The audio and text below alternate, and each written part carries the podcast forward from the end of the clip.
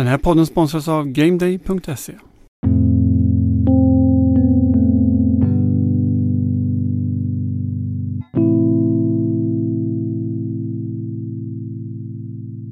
Hejsan och välkomna tillbaka till NFL Supporter Dokumentär. Innan vi drar igång idag så tänkte jag tipsa lite om några andra poddar från oss på NFL Supporter.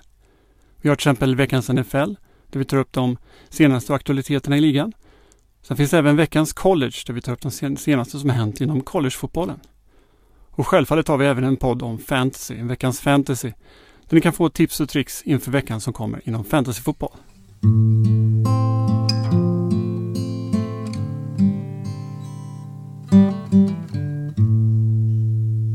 Turerna kring Washington Football Team har troligtvis inte undgått någon av er under sommaren som gick. År av kritik gentemot lagets tidigare namn ledde till slut att laget tog sitt förnuft till fånga och bytte till det inte alltför kontroversiella Washington Football Team. Det nya namnet är dock bara temporärt sådant, tills laget har hittat ett nytt, mer klatschigt namn. Ett namn som förhoppningsvis då inte ska nedvärdera några andra i samhället. Ja, historien om Washington sommar 2020 är onekligen intrikat och innehöll så många fel på så många plan. Fel som var så grova att de är väl värda att avhandla i egna poddar egentligen, var för sig. I NFL Supporter Dokumentär fokuserar vi dock på det förgångna, men drar oss inte för att knyta an till det nutida när tillfälle ges. Idag väljer vi därför att ta oss en titt på det här med de amerikanska urinvånarna och NFL. Och framförallt en liten besynnerlig historia som ägde rum för cirka 100 år sedan. Tyvärr inte heller den helt korrekt hanterad av vare sig ägaren eller NFL. En historia som innehöll lite av det mesta. Cowboyer och indianer, söta hundar, fest och fylla och slutligen en av USAs mest framstående idrottsmän under förra århundradet. Så låt oss hoppa tillbaka ett sekel. Till en av de minsta städerna som någonsin huserat ett NFL-lag. Till LaRue, Ohio. Throws right side for Dyson. He dives for the end zone. Didn't make it. No good. Wide right. Just win, David. Due to the various uncertainties surrounding my position as it relates to the team's new ownership, um, I've decided to resign as the head coach of the New York Jets. Four words. This one's Inför dagens avsnitt gjorde vi något så ovanligt som att gräva i våra egna arkiv. NFL Supporter har trots allt funnits i ett antal år och dessförinnan skrev många av oss på andra bloggar. Med åren har det således blivit några spaltmeter. Mycket är självfallet inaktuellt idag, men en del saker är faktiskt läsvärda än idag. Dagens historia är en sådan och bygger ursprungligen på en artikel som Jonathan Fabri skrev på NFL Supporter för ett antal år sedan. Reservation för uttalet där, men stort tack till dig Jonathan. Som ni eventuellt redan vet så är NFLs historia lång och full av udda lag som kommit och gått genom åren. Framförallt under ligans första år så var det mer eller mindre svängdörrar på entrén till ligan.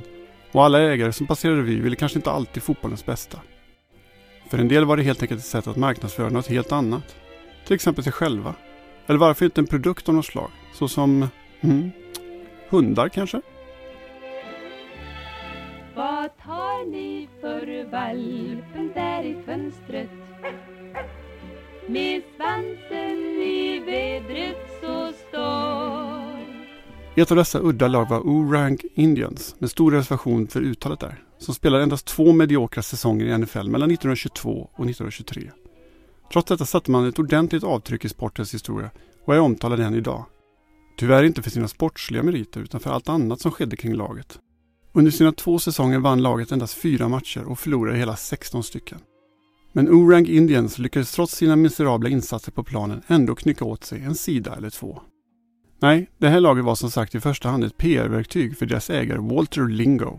Lingos specialitet var inte direkt ovala bollar utan hans stora passion i livet var hundar. Och då framförallt en speciell sorts hund som kallas Airedale Terrier. Som han födde upp och sålde på sin kennel i LaRue, Ohio. Ända sedan barnsben hade Walter Lingo intresserat sig för hundar och redan vid tidig ålder vigde han sitt liv åt att avla fram den främsta varianten av Airedale Terrier. Hans version kallades för King Orang efter namnet på hans kennel och var enligt Lingo the world's best all-around dog. Helt enkelt den ultimata hunden. Det ska dock sägas att det inte var direkt någon liten verksamhet som Walter Lingo bedrev. Orang Kennels hade kunder över hela landet och anses vara den bästa i branschen. En anledning till detta var att Lingo spenderade stora summor på reklam i dåtidens stora tidningar. Men det räckte inte enligt honom. Lingo ville ha en större publik. Nu var det inte bara hundar som Walter Lingo var intresserad av. Nej, hans andra passion i livet var indianer och passande nog var LaRue beläget vid en gammal indianby. Lingo var övertygad om att det fanns ett spirituellt band mellan hans Airedale Terriers och indianerna. Huruvida så är fallet har vi tyvärr inte lyckats reda ut. Hur som haver, men i början av 1920-talet blev Lingo bekant med en av USAs största idrottare genom alla tider, Jim Thorpe. Jim Thorpe föddes 1888 på en farm nära Prag. Inte det i Tjeckien utan det i Potawatomi County i Oklahoma. Thorpe var av blandad indiansk-europeisk härkomst. Fadern Hiram J. Thorpe tillhörde Sioux-folket medan modern Charlotte Vieux hade en fransk far och en moder som var Potawatomi. Lille Jim Thorpes skolgång kom att ske i Kansas och Pennsylvania och det var vid den sistnämnda han kom i kontakt med idrotten. Först som avbytare i skolans amerikanska fotbollslag för att senare få upp ögonen för det här med friidrott. Där han snabbt utmärkte sig primärt i hopp och häcklöpning. Hans professionella karriär kom sedermera att föra honom till Sverige och de olympiska spelen i Stockholm 1912. Där vann Forp överlägset tävlingen i både femkamp och tiokamp. Vid prisutdelningen, som genomfördes av den svenske kungen, blev denna sagt till segraren You sir are the greatest athlete in the world. Och Forp lär ha svarat Thanks King. Vid hemkomsten till USA fick han en hjältes mottagande i New York. Åren efter spelen uppdagades att Thorpe 1911 hade spelat i ett litet baseballlag och fått en minimal ekonomisk ersättning. Han diskvalificerades för professionalism och medaljerna återsändes till Stockholm och en ny fördelning gjordes. Tiokampen fick därigenom en medaljfördelning som blev enligt följande. Hugo Wislander guld, Charles Lomberg silver och Gösta Holmer brons. En svensk trippel. När hände det i OS senast? Den som kan sin svenska tiokampshistoria, alternativt bedriver viss privatspaning kring Palmemordet, känner säkert igen bronsmedaljörens efternamn. Och ja, Gösta Holmer var pappa till Hans Holmer. Den där självutnämnde spaningsledaren för Palmemordet. Ni vet han som den där ödesdigra natten fick för sig att just han var den som skulle lösa allting. År 1983 valde dock den olympiska kommittén att återigen tilldela Forbes de båda guldmedaljerna postumt. Och det är av den anledningen man idag kan hitta två guldmedaljörer när man tittar i de olympiska historieböckerna.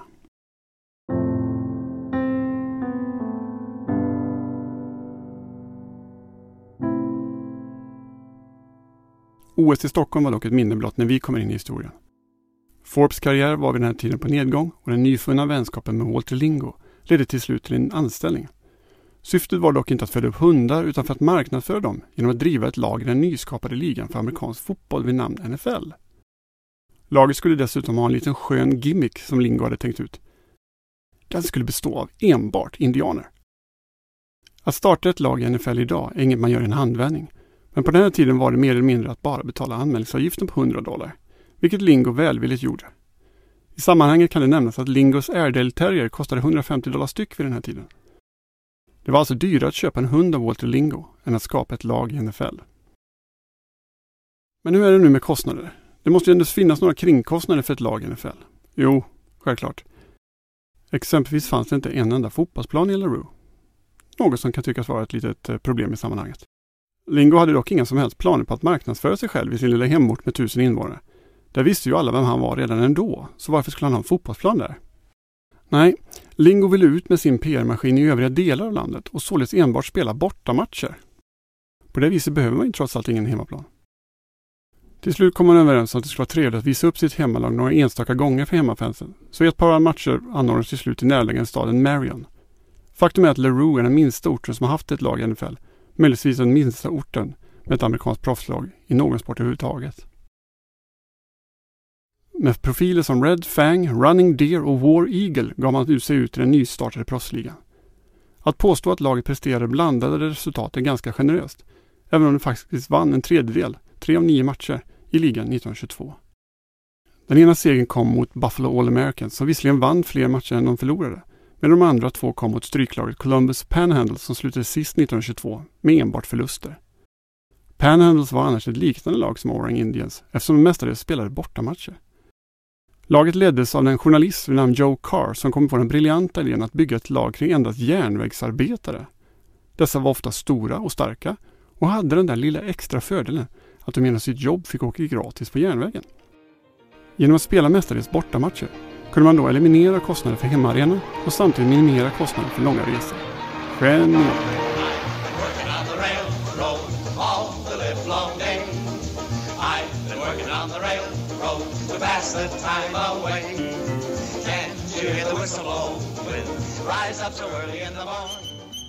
Ägaren Joe Carr kom sedermera att bli president för NFL och förblev det mellan 1921 och 1939. En insats som ledde till Hall of Fame. Ni som lyssnar på avsnittet om varför Cardinals suger kanske känner igen namnet därifrån eftersom det var han som fråntog Pottsville mästerskapet 1925. Om vi återgår från detta stickspår i järnvägsbranschen så var det en tuff säsong för Orang Indians. Bland annat åkte man på några riktigt pinsamma förluster mot Dayton och Akron med 36-0 samt 62-0.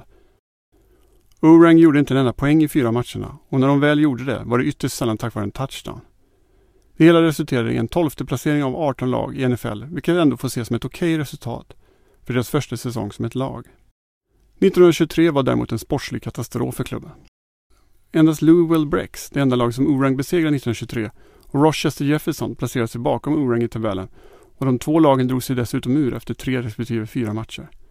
Orang spelade 11 matcher och vann som sagt endast en match.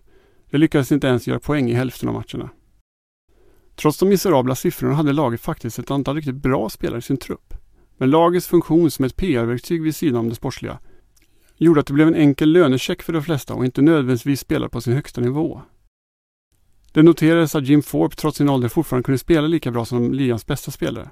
Men i regel höll han sig borta från planen och höll sig till att coacha laget. En journalist hävdade att Orang Indians var som två olika lag beroende på om Thorpe var med på planen eller inte. De gånger han spelade så höjdes även resten av laget och det sägs att få spelare kunde lyfta ett lag på samma sätt som Thorpe endast genom sin närvaro på planen. Det är självfallet aldrig roligt att förlora, men Walter Lingo tog en bit med en tämligen stor del tålamod. Det var ju faktiskt inte för att spela fotboll som laget åkte landet runt. Man var ju faktiskt där för att marknadsföra hans hundar. Av den anledningen valde Lingo att istället lägga all sin energi på halvtidspauserna. Spelarna fick snällt delta i olika aktiviteter till publikens underhållning där Lingos hundar visades upp tillsammans med de vilda indianerna och deras konster. Spelarna visade upp sina skyttekunskaper, kastade tomahawkyxor och dansade olika indiandanser. Bjässen Nicolas Lassa med artistnamnet Long Time Sleep brukade dessutom brottas med en björn som laget hade med sig på sina resor. För att uttrycka det milt så hade nog inte Walter Lingos halvtidsshower landat så väl i dagens klimat. Möjligen hade Dan Snyder tagit några noteringar. Trots det kontroversiella innehållet så anses Lingos shower vara begynnelsen till de numera populära halvtidsshowerna och därmed har Orang Indians på något udda sätt ändå en plats i NFLs historia. Även om de egentligen inte presterar något på planen under matchtid.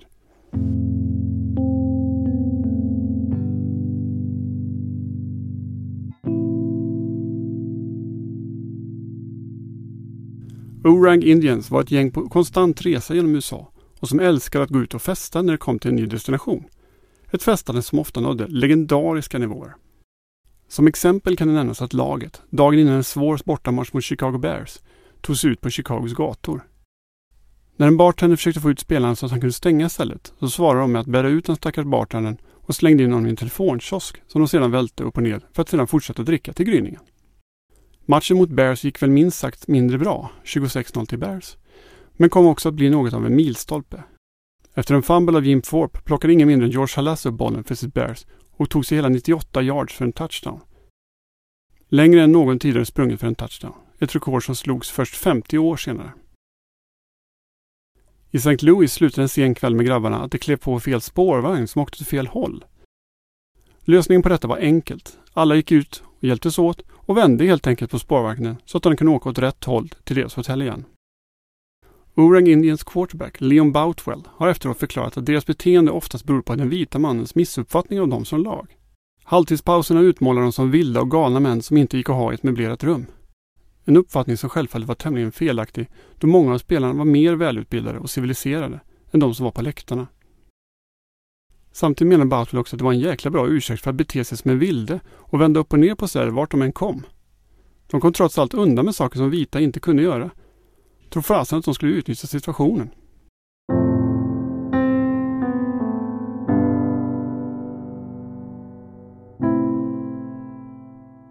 Walter Lingo fick hur som helst det han sökte efter. Lagets spektakulära halvtidsshower blev mer och mer omtalade och de drog mer publik vart de än åkte. Lingos älskade hundar visades upp för eventuella spekulanter och som bonus fick de också se en ojämn fotbollsmatch. Dragkraften i Orang Indians spektakel avtog dock ganska kraftigt redan under andra säsongen. Då bortapubliken stannade hemma eftersom de redan sett allt året innan. Walter Lingo valde därmed att lägga ner sitt lag efter endast två säsonger i NFL. Han gjorde visserligen ett tappert försök att få liv i Orang Indians i slutet av 1920-talet. Sporten den gången var dock ett basket, men stjärnan var dock densamma i form av Jim Thorpe. Det äventyret blev dock än mer kortlivat och går knappt att hitta i historieböckerna idag. Lingo fortsatte dock med sina kennlar till sin död på 1960-talet. Spelarna gick dock sina egna vägar, vissa till andra klubbar, medan andra slutade helt. Jim Ford fortsatte dock att idrotta och var under sin karriär aktiv inom friidrott, baseball, basket och amerikansk fotboll. Han dog dock utblottad 1953 efter ett liv av egen givmildhet och konstant själv blivit utnyttjad för sin etnicitet och exceptionella idrottstalang. Thorpe är idag invald i friidrottens, olympiska och collegefotbollen och proffsfotbollens Hall of Fame. När ESPN listade 1900-talets bästa idrottsmän slutade han på sjunde plats. Endast passerad av storheter som Michael Jordan, Babe Ruth, Muhammad Ali, Jim Brown, Wayne Gretzky och Jesse Owens. Jim Thorpe är idag begraven i ett litet samhälle som idag bär hans namn. Ironiskt nog bevistade aldrig Thorpe själv platsen utan hans änka sålde kvarlevorna till två samhällen som skulle slås ihop i Pennsylvania 1954. Motkravet från hennes sida var att de båda betalade en liten slant och även uppförde ett minnesmonument över maken. Således återfinns Jim Forbes kvarlevor i just Jim Thorpe, Pennsylvania. Monumentet står på jord från hans hemstad Oklahoma och Stockholms stadion. På monumentet kan man läsa Gustav V citat från prisutdelningen 1912. You sir are the greatest athlete in the world.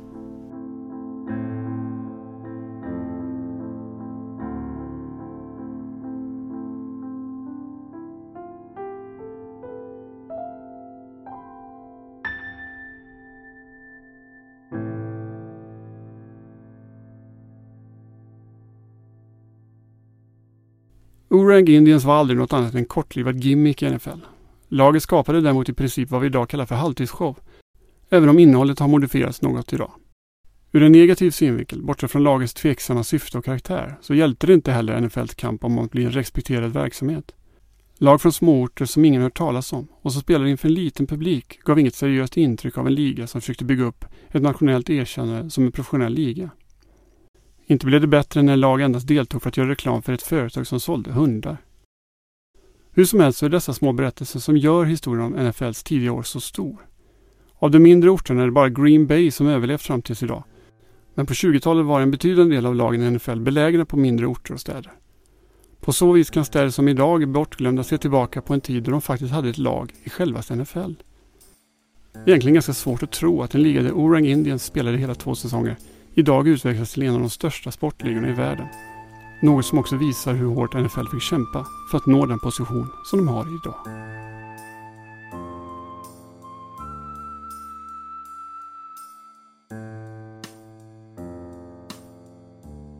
Det var allt för den här gången och jag som gjorde det här programmet heter Per Fogelin.